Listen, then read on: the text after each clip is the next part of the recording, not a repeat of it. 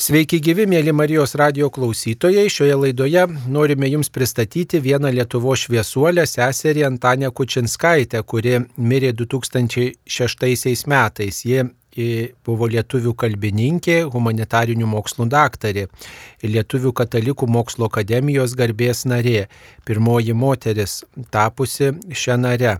Ji priklausė švenčiausiosios Jėzaus širdies tarnaičių seserų kongregacijai, buvo vienuolė nuo 1933 metų. Kaip tik tai 1933 metais baigė Kauno mokytojų seminariją ir taip pat Vytauto didžiojo universiteto teologijos filosofijos fakultetą lituanistikos studijas. Ji dirbo mokytoje Leipalingyje, Linkuvoje, Šiauliuose ir nuo 1945 metų dirbo Lietuvių kalbos institute, kuris vėliau tapo Lietuvių kalbos ir literatūros institutu.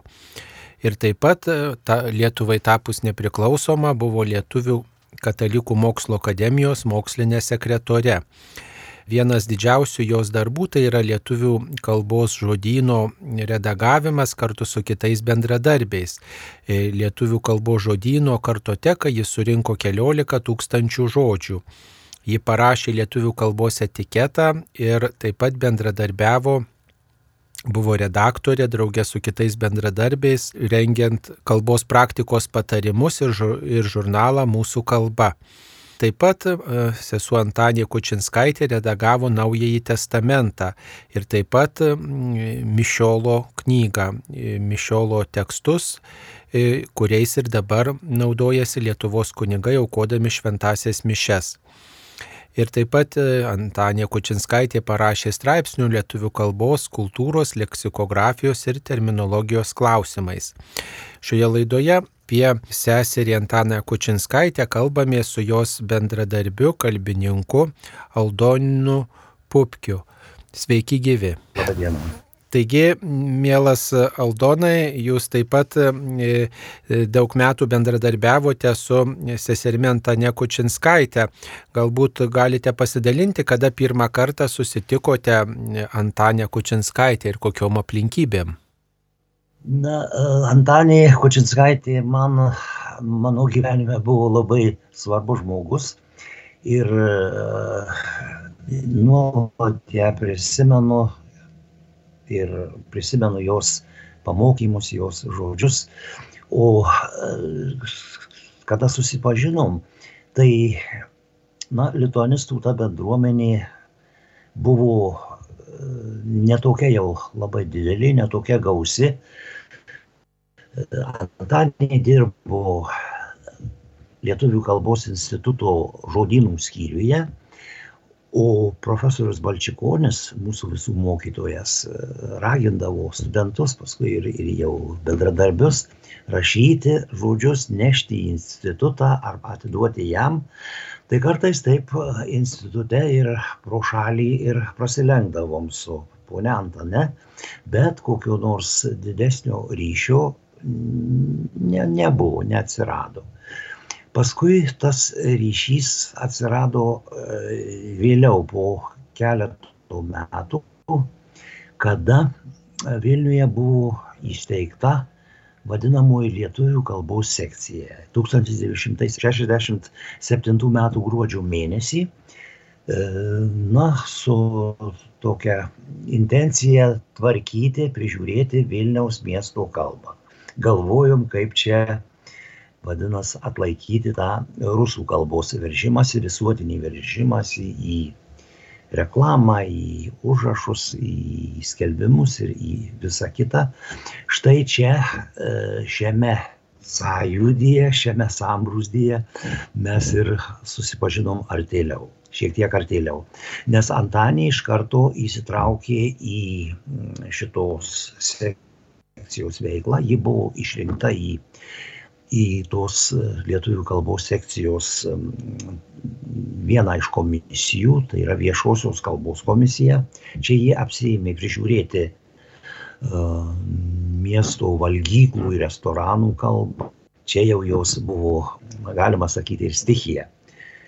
Antanė e, šioje sekcijoje iš tikrųjų darbavosi visomis jėgomis. Niekas jai netrukdė, niekas sekcijos tarybai nesakė, kad reikia su, su Antane atsargiau ar, ar, ar, ar, ar jos vengti, niekas nieko nenurodinėjo, nes šiaip ar taip ta sekcijos taryba buvo įsikėlusi daug tokių, tokių e, apsaugos priemonių.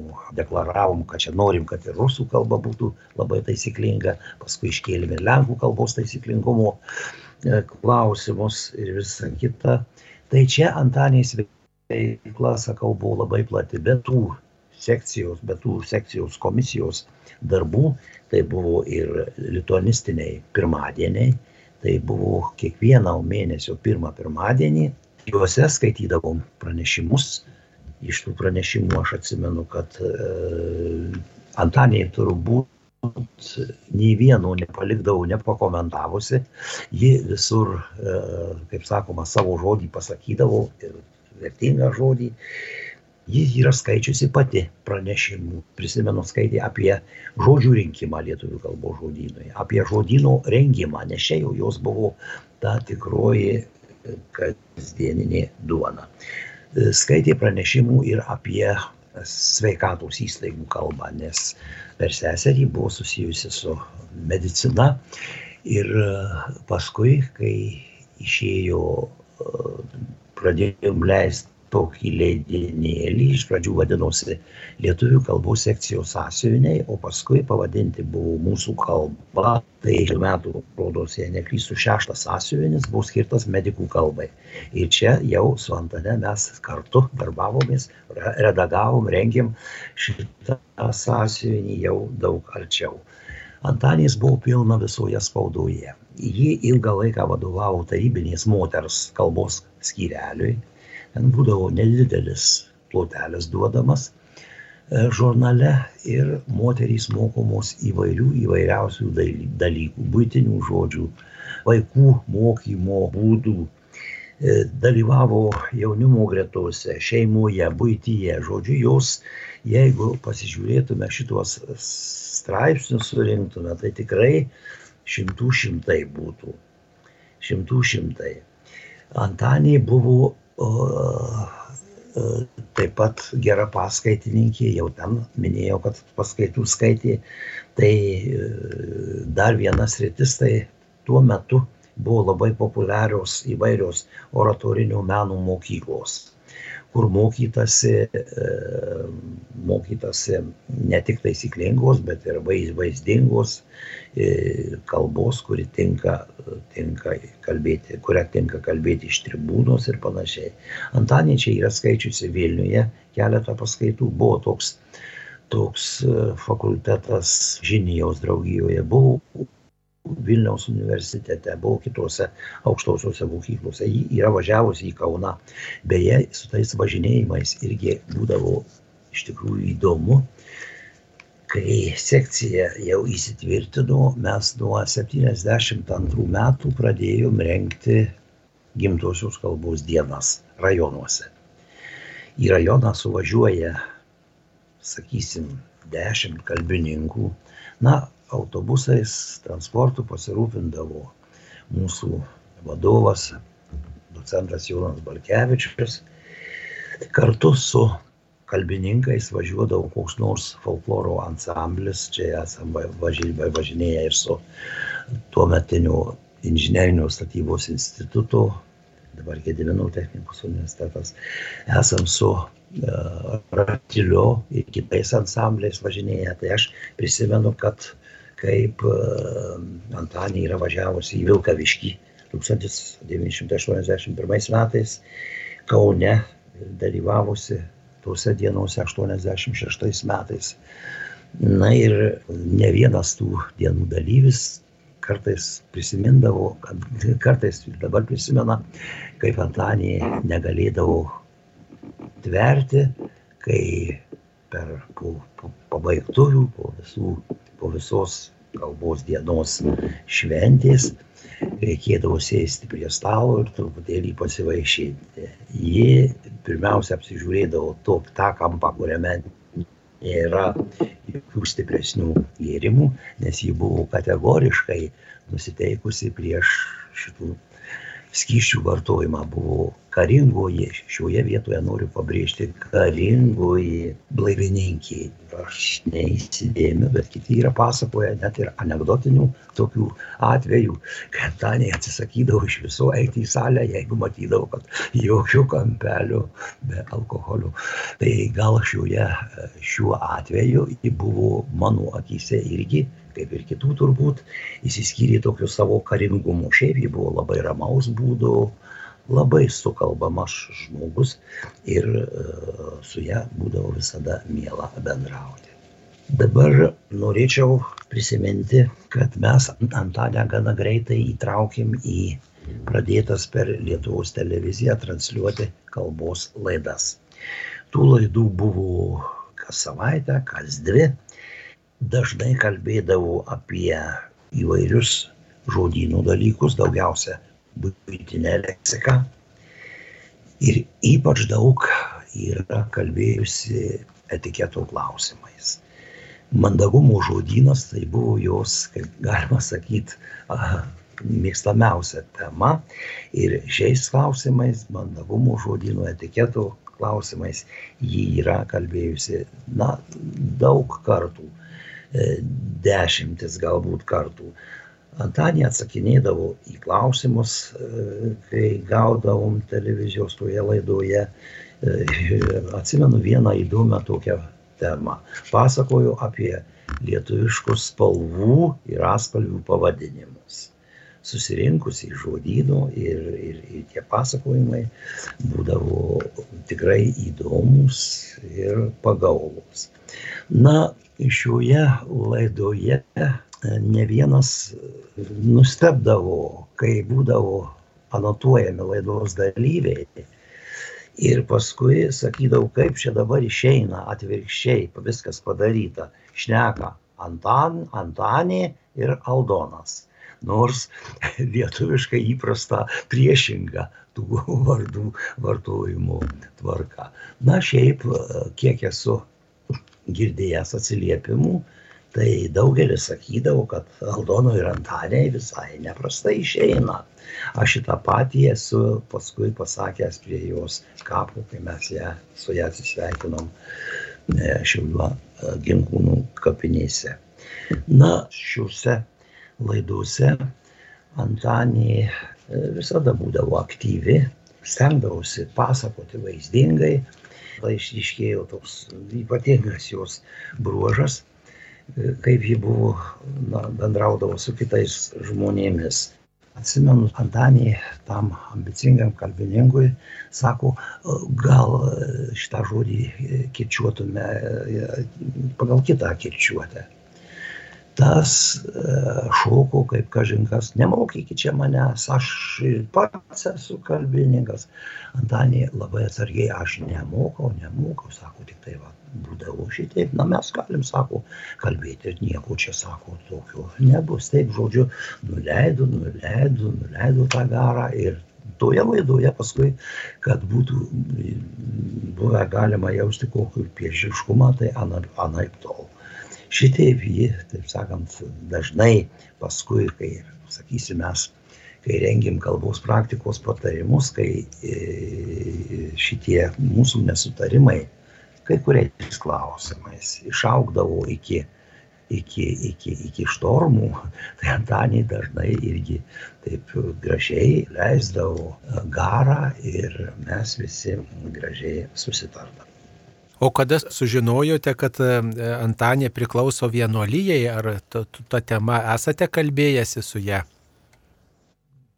Ja, kaip jį, koks jos ten statusas, niekas plačiai nesidomėjo, bet jau kviesdami čia į kalbos sekciją, mes žinojom, bet e, kadangi niekas nieko neprikiždavo, neliepdavo, nesakydavo, tai dėl šito klausimų šiaip jau nekilo. O šiaip su Antane tai mano toks pirmas artimesnis, sakyčiau, žmogiškas ryšys užsimesgi e, visai netikėtai vieną ankstų rytą. Aš einu atvažiavęs troleibusu ir sutinku Antanę einančią anksti šitaip. Jis sustoja, net nepasilabina ir sako, vakar mirė profesorius Balčikonis.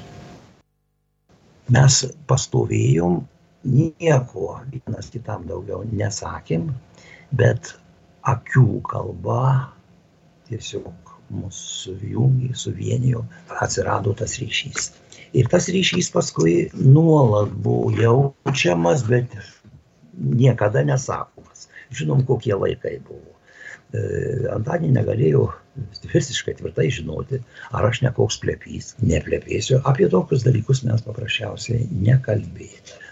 Atsimenu dar, dar prieš gerokai paskelbent nepriklausomybę, Antanį su bronelė, su kuria kartu gyveno, tai broliai Zlatkutė, taip pat dirbusi Lietuvų kalbos literatūros institute, pasibeldė į duris ir atnešė tortą mano gimtadienį. Tokį tortą, kokio tikrai tais laikais nebūdavo galima pamatyti.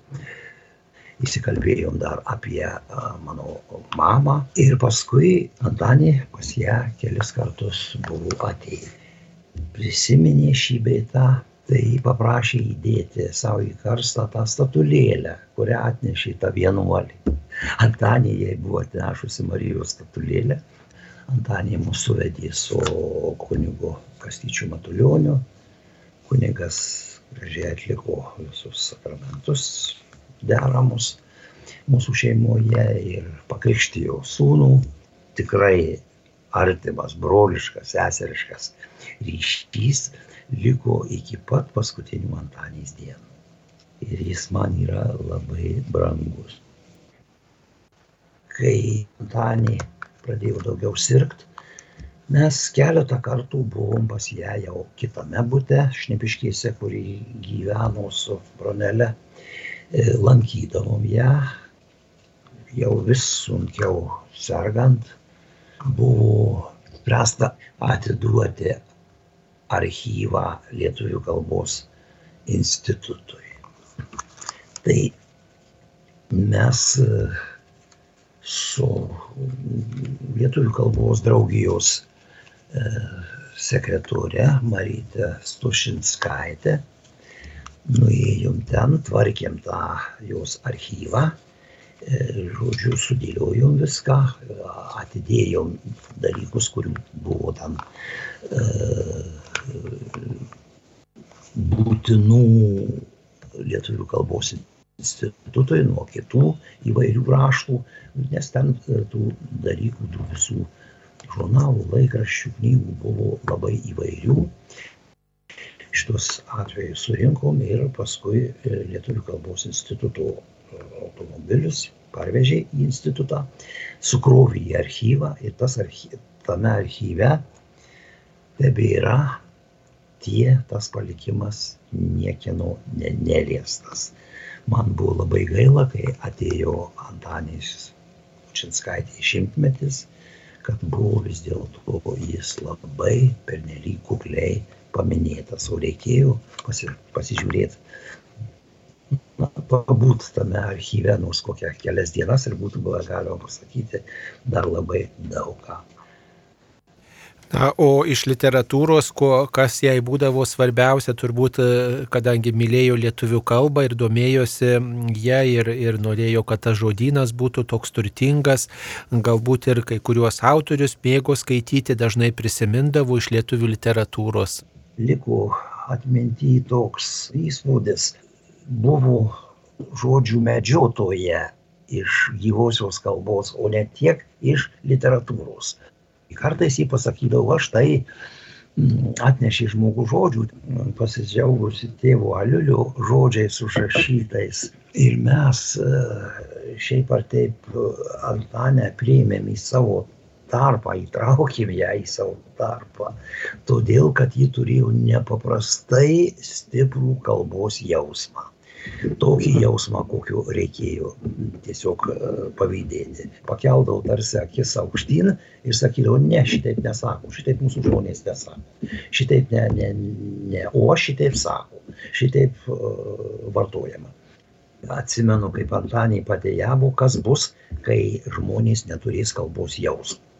Taip pat reikėtų galbūt paklausti tokio dalyko, štai Antanė Kučinskaitė buvo iš aukštaitijos berots kilusi e, kalbininkė e, ir mokslininkė ir mokytoja ir lietuvių kalbos mylėtoja. Kartu na, tokį pavyzdį galbūt davė ir kitiems kalbininkams, ko galėtų mokytis iš jos e, knygų, kurios turbūt ir dabar gal kai kurios yra aktualius, ypatinga jos parašyta knyga lietuvių kalbos etiketas pirmiausia, tai atsidavimo darbui. Jeigu imdavosi kokio darbo, tai jį turėdavau padaryti iki galo. E, čia aš net atsimenu, kartais turbūt truputėlį ir juokingų dalykų, nuėdavau pas ją korektūrų ar svarstydavom, sakyk, kalbos praktikos patarimų tekstą kokį, jie ten paskaitydavo, surašydavo savo korektūros dalykus ir pradėdavo man aiškinti. Ir štai čia kablelis, išaiškina taisyklę, žodžiu, aiškina, aiškina, aš jaunas, nekantru, žodžiu, galvoju, kaip čia dabar greičiau viską tai. Jie eina prie kito kokios, kokios smulkmenos, vėl aiškina, žodžiu, kad viskas, ji buvo mokytoja, šiaip ar taip iš prigimties mokytoja, tai nu, norėjo šitą mokytojo, mokytojo tokį būdą, įprotį e, per teikti ir kitiems artimiesiems. Šitas atsidavimas darbui, tos darbo sušventinimas buvo iš tikrųjų labai gražus jos bruožas. Ir ta pagarba kitiems žmonėms, pagarba pašnekovui, net ir tam pašnekovui, kuris, na, jausdavo, tai yra nevertas tokio jos dėmesio. Ji vis tiek atidžiai aiškindavo, atidžiai pasakodavo. Taigi tie etiketų dalykai tai išplaukia iš visos jos gyvensenos. O pati Antanė, kokia jos kalba būdavo, ar vartodavo kažkokių žargoniškų žodžių, tokių teko girdėti tokioj būtiniai kalboje, iš, išslyzdavo koks vienas Oi, kitas ne, žodelis. Oi ne, oi ne jos tiktai toks trupučiuką išskirtinis kalbėjimo būdas buvo patarmiuoti iš tarties. Kadangi jie buvo iš biržų krašto, ten smarkiai balsiai ilginami, tai ji kartais įsijausdavo, užmirždavo, kad reikia visus kalbos lygmenis prižiūrėti, tai kartais ir iš, iš, išlyzdavo koks pailgintas balsas, bet tik tai tiek. O šiaip tai jos kalba būdavo švari švarutėlė, kaip kaip švarus be debesėlių dangus. O ar dabar įmanoma, kad taip žmonės kalbėtų net ir kalbininkai, mokytojai tokia švaria kalba, kokią kalbėjo Antanė Kučinskaitė? Manoma, bet ar to norim? Ar to norim? Informacijos šaltinių kalbėkit kaip norit, žodžiu, kaip pasakysi, taip ne, ne, ne, nepagadinsi. Žiūriu, kad tos gražios taisyklingos, vis mažiau, vis mažesni plotai. Aš dar vis dedu daug vilčių į švietimo sistemą, į mokymą. Galbūt mokykla galėtų ir pamokyti. Seserį Antanę Kučinskaitę šioje laidoje prisiminė jos bendradarbis kalbininkas Aldonas Pupkis.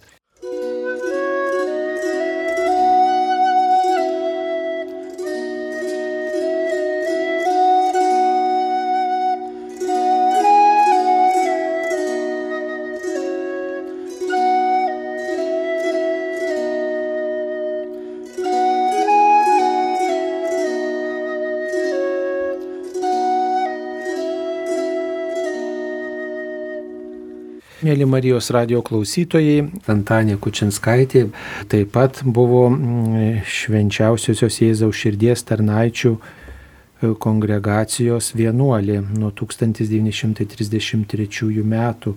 1940 metais buvo davusi amžinuosius įžadus ir e, pasirinkusi mm, savo globėjų šventąjį Augustiną.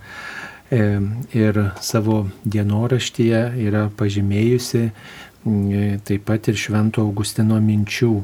Nerami mano širdis, kol neras ramybės tavyje. Jei be galo Šventasis Augustinas patiko tuo savo troškimu verštis į viešpatį. Šioje laidoje e, apie seserį Antanę Kučinskaitę pasakos švenčiausios Jėzaus širdies tarnaičių seserų tarnaičių kongregacijos sesuo Stavenskauskaitė, garbėzui Kristui. Per amžius amen. Taigi, mėla sesė, kada pirmą kartą susitikote su sesė Antanė, kokiomis aplinkybėmis gal tas e, susitikimas kažkuo jums įstrigo? Tai pirmas mano susitikimas su ją buvo labai paslaptingomis aplinkybėmis, slaptose seserų rekolekcijose. Tai buvo 1974 metai, kai aš dar kaip paauglė buvau pakviesta į būtent Jėzaus širdies tarnaičių rekolekcijas kaime prie Alantos. Tuo metu ne vienos iš seserų, gal porą seserų pažinojau. Žinau, kad jos yra seserys vienuolės, o ten susirinko apie 50. Ir paskui ten šnipždėdamos viena kitai sakydavo, va šita yra mokslininkė, šita yra kalbininkė didžioji. Bet su ją asmeniškai turbūt neteko tą, tą kartą pakalbėti. Tiesiog žinojau, kad šitoj vienolyjo yra tokia didelė, didinga vienuolė, kuri, kurios kai kurios seserys net bijodavo. Paskui sužinojau, kodėl bijojo. Todėl, kad ji nors labai mandagiai, labai taktiškai jį taisydavo kalbą. Visada kviesdavo kalbėti taisyklingą lietuvių kalbą. O toks jau asmeninis susitikimas su ją buvo, tai irgi galiu net tikslę datą pasakyti, 1978 metų, rūpjūčio 30 diena, kai aš atvažiavau studijuoti į Vilnių ir seseris pasiūlė apsigyventi būtent pas Antanę Kučinskaitę. Ir va tas susitikimas, kai e, mane atvežė į jos namus, į jos būtą, ji gyveno visai netoli katedros, tuo metu tai buvo paveikslų galerija Vilniuje. Ir iš to pirmo sustikimo irgi labai gerai prisimenu jos, e, kaip prisistatėm, aš pasakiau, mano vardas Asta. Nesako, tu asta esi. Ir žinojau, kad prisistatyti visiems turiu, visiems sakyti, kad aš esu asta. Ir tą pamoką išmokote iš jos? Išmokau, bet paskui, kaip pasakyti, išdaviau savo mokytoją, nes paskui, kai teko nemažą laiko gyventi užsienyje, tai nebegalėjau sakyti, kad esu asta, nes, nes iškraipydavo mano vardą ir aš sakydavo, aš esu asta, tuomet lengviau kitiems būdavo ištarti. Turbūt dažnai, kai su ją bendraudavote, e, pataisydavo jūsų kalbą ir taip pat e, kitų žmonių kalbą, tekdavo tą girdėti. Taip, tekdavo tą girdėti, bet aš stebiuosi ir iki šiol stebiuosi, stebėdavos ir stebiuosi, kad jos tie pataisimai būdavo labai nu, tokie korektiški, mandagus, niekada nesupykdavo. Net jeigu ir keletą kartų reikėdavo, pavyzdžiui, žmogus sakydavo, rugsėjo 5 važiuosiu į palangą. Jį paklausdavo, o ko 5? Arba e, reikėtų sakyti, penktą dieną važiuosiu į palangą. Ir tas, tas pataisimas žmogaus niekada neižeisdavo. Ir tai mane tikrai žavi ir jos, jos tas toks mokėjimas, mandagiai pasakyti, bet tai visada rodydavo jos meilę kalbai ir meilę tam žmogui. Na, pasakoja moks, moksleiviai, kurie, kuriems jie, jie vadovavo ir kuriuos mokė lietuvių kalbos, kad vadindavo tuos vaikus dobilėliais ir lelijėlėmis, tiesiog taip su humoru, kaip ypatingai reikėdavo kreiptis į tuos vaikus. Bet taip pat yra įdomus dalykas, kad Antanė Kučinskaitė, būdama mokytoja, kaip ir daugelis e, mokytojų, turėjo pravardę. E, ir tiesiog keista ta pavardė tokia, atrodo, visiškai na, ne, neturėtų lipti tokiam žmogui, kuri, kuris vat, buvo tikintis Ji buvo tikinti sesuo, vienuolė, pasišventusi savo darbui, o turėjo pravardę politrukas.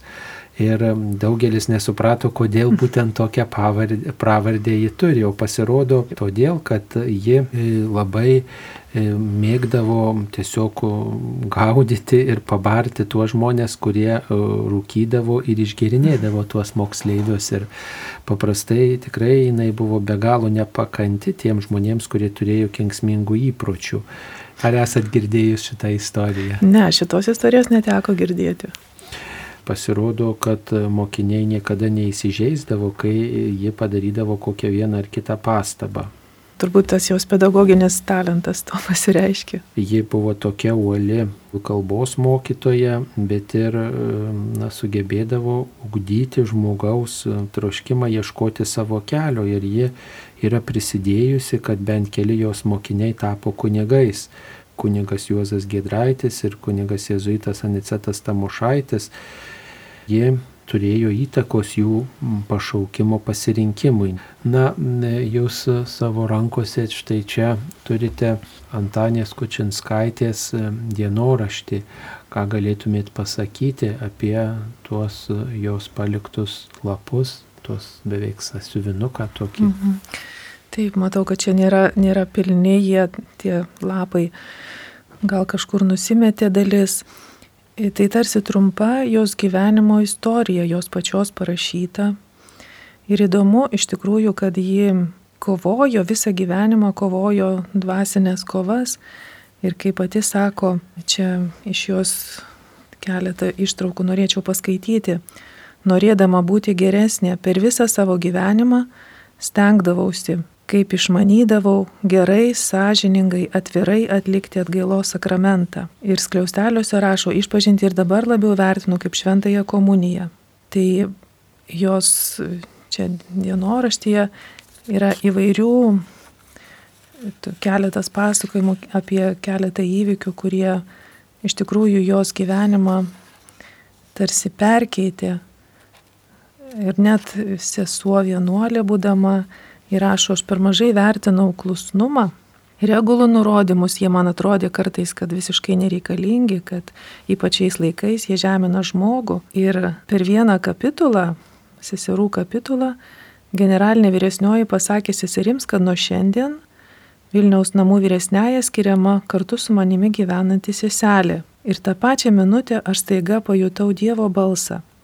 Štai nuo šios dienos tu gyvensi kartu su vyresnėje Ar galėsi pasiteisinti, kad tokie laikai, kabutėse, trukdo klusnumui?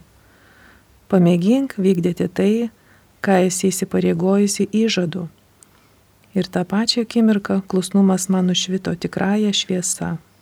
Vyresniosiuose nuo to momento nesunku įžiūrėti Dievo atstovės. Iš tikrųjų įdomu, kiek, kiek man teko ją pažinti, tai niekada nebūčiau galėjus pasakyti, kad ji turėjo kažkokiu ar tikėjimo abejonių, ar, ar, ar dėl, dėl įžadų, dėl, dėl klusnumo. Mane žavėjo jos kartu gyvenant, matant jos kuklumą, paprastumą tokį. Ir žinojau, nebuvo labai garsiai apie tai kalbama, kokius į darbus dirba, kad prisideda prie šventojo rašto, prie mišiolo lietuviško redagavimo. Matydavau, kad kartas nuo karto ateina tokie dideli žmonės kaip kunigas Aliulis, kaip kunigas Boruta, tuo metu dar kunigas buvo profesoriai iš universiteto ir, ir ji tokius darbus dirbdama vis dėlto buvo labai kukli ir labai, labai paprasta.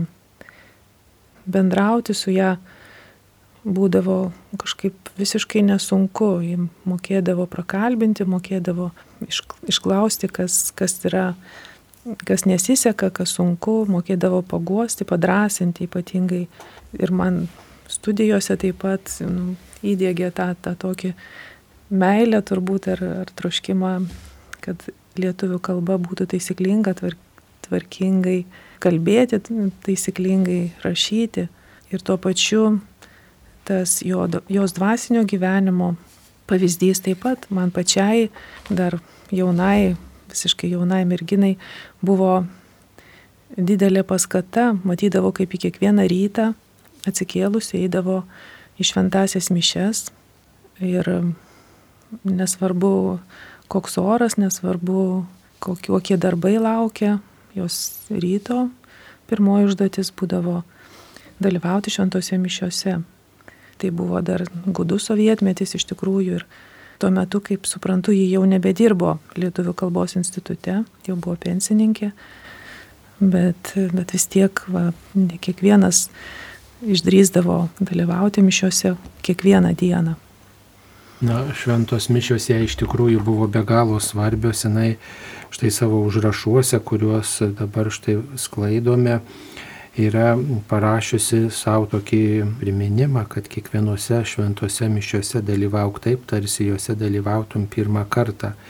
Ir būk kaip tas raupsuotasis, kuris atėjęs pas Kristų prašo apvalyti nuo egoizmo, nuo puikybės raupsų nes visa tai neleidžia manyje aukti Kristui. Ir svarbu, kad Euharistijos prieimimas nevirstų rutina, kad kiekvienos tos mišios būtų išskirtinės. Jie štai užsirašiusi šventojo Jeronimo mintį ir taip pat jai svarbu buvo va, tiesiog tomis mintimis gyventi, jos net pabrauktos jos užrašuose. Ir dar kalbėdama kitiems žmonėms, e, ypač šeimoms, turėdavo turbūt progų net ir sovietmečių bendrauti su, su įvairiais žmonėmis ir su šeimomis, tai mm, jai irgi svarbu buvo tokia mintis, kuri pabraukta net raudonų pieštuku. E, vaikams, kuriuos namie ar mokykloje katekizuojame, mokome tikėjimo, duodame tiek Dievo, kiek prieš tai jo išmeldžiame klupodami. Taigi kviečia vat, ne tik tai melstis, bet ir klūpant su atgaila, su troškimu, melsti tikėjimo tiems vaikams, kuriems apie tikėjimą kalbėsime. Taigi jos pabraukta ir netgi visame lapelyje, tai ta, labiausiai ta mintis išryškinta. Ir aišku, jai kaip ir vienuoliai, krikščioniai, besimeldžiančiai taip pat labai patiko tokia mintis, kuri irgi matau pabraukta tiek, kiek esi krikščionis, kiek sugebi ir nori melstis. Na va, tai mes taip pat galim patikrinti, kiek esam krikščionis ir tikrai žiūrėkit, jau turbūt prieš 50 metų ir gal net seniau čia tie lapeliai užrašyti ir pagelti nuo laiko, bet va tos mintys, žiūrėkit, visai tinka, nes čia yra klasika. Na, galbūt kažką dar papasakosite iš to bendravimo arba iš galbūt kažkokių kalbos dalykų, galbūt jinai ir papasakodavo, kokių įdomių žodžių suradusi yra. Taip žinojau, kad, kad jinai daug, daug dirbo prie žodino ir tuo, e, sakytum, didžiavosi netgi. Ir pas ją visa tie, tie žodino tomai visi, visi stovėjo ir aš taip nu, pagarbiai žiūrėdavau, atsiversdavau kai kada. Jie tik tai pasakodavo, kaip, kaip rinkdavo, kaip iš savo, e, savo tėviškėje užrašinėdavo žodžius, kaip susitikinėdavo su žmonėmis, kurie į institutą atneždavo užrašytus lietuvių kalbos žodžius. Prieš jūs yra jos išleista knygelė, serijoje kalba ir žmonės, lietuvių kalbos etiketas Antanė Kučinskaitė, pirmasis šios knygos leidimas išėjo 85 metais, kai buvo gudus sovietmetis ir tada vėliau išėjo jau Lietuvai, taip sakant, 90-ais 90 pradėjus mhm. džiaugtis nepriklausomybę. Mhm. Toks redaguotas leidimas ir galbūt e, iš tos knygelės kažką galite kokią mintį mums priminti apie mūsų tarpusavio kalbą. Čia irgi žavi, kad tokioje atrodo dalykinėje knygelėje apie lietuvių kalbos etiketą sesuo Antanė mokėjo įdėti ir gilesnę mintį e, apie tai, kaip mes galime vienas kitam padėti būti geresniais. Mm, pavyzdžiui, įrašydama apie kalbos toną, jis sako, kasdien bendraujame su daugeliu žmonių ir matoma, kokie jie skirtingi. Vieni draugiški, malonūs, nuoširdus, švelnus, nors prie žaizdos diek Su jais pasikalbi, rodos visas pasaulis nušvinta. Visuomet tave supras, nepašikšties gero žodžio. O kiti žiūrėk, pasipūtę tarytum sieną atsitvėrė. Iš jų gero žodžio nesitikėk. Geras žodis. Tai brangi humaniškumo išraiška, tikrosios bičiulystės ramstis, o svarbiausia - malonių balsų pasakytas. Ir, ir kitų tokių yra, pavyzdžiui, su tokiais pavyzdžiais. Parke ant solelio sėdėjo senukas, skaitė laikraštį, pakilo eiti ir jau žingsniuoja taku. Ant solelio liko jo akiniai. Greta sėdėjęs jaunuolis pasivėja senuką. Atsiprašau, gerbiamasis, jūs palikote akinius. Prašom, nurodydama, kokiais žodžiais reikėtų kreiptis į, į garbingo amžiaus žmogų, tuo pačiu duoda pavyzdį, kaip turėtų mūsų mandagumas pasireikšti ir kaip, kaip turėtume gerbti, rodyti pagarbą senam žmogui. Antrame leidime jau drąsiau kalbėdama apie tai, kaip mes galim sveikintis, tai vis dėlto dar buvo dar 90-ieji metai, jau kalbėjo, rašė apie tai, galim sveikintis garbėjai Jėzui Kristui. Katalikiškas sveikinimas visuomet tariamas su pagarba. Viešose vietose, ypač kur daug žmonių, garsiai sveikintis garbėjai Jėzui Kristui nedėra. Taip nuo, nuo seno buvo pratę sveikintis katalikų dvasininkai, kunigų seminarijos auklėtiniai, na ir tikintieji su tikinčiaisiais. Žinoma, neižeisdami kitokių įsitikinimų žmonių. Atsisveikinimui vėl jinai sako, Kaipgi kitaip atsisveikinsi, jei netardamas įprastą žodį su Diev. Atėjus draugams kabutėse į Lietuvą, senas nieko dėtas lietuviškas atsisveikinimas su Diev ėmė ir užkliuvo dėl jame slypinčios religinės minties. Kalbininkai, norėdami tą lietuvišką atsisveikinimo žodį apginti, siūlė jį rašyti be priebalsio V - sudie arba sudėjau, bet ir tokios formos karštuoliams marksizmo ideologams akis badė. Sakyti atsisveikinant su Dievu buvo laikoma politiniu žlibumu, bent jau atsilikimu.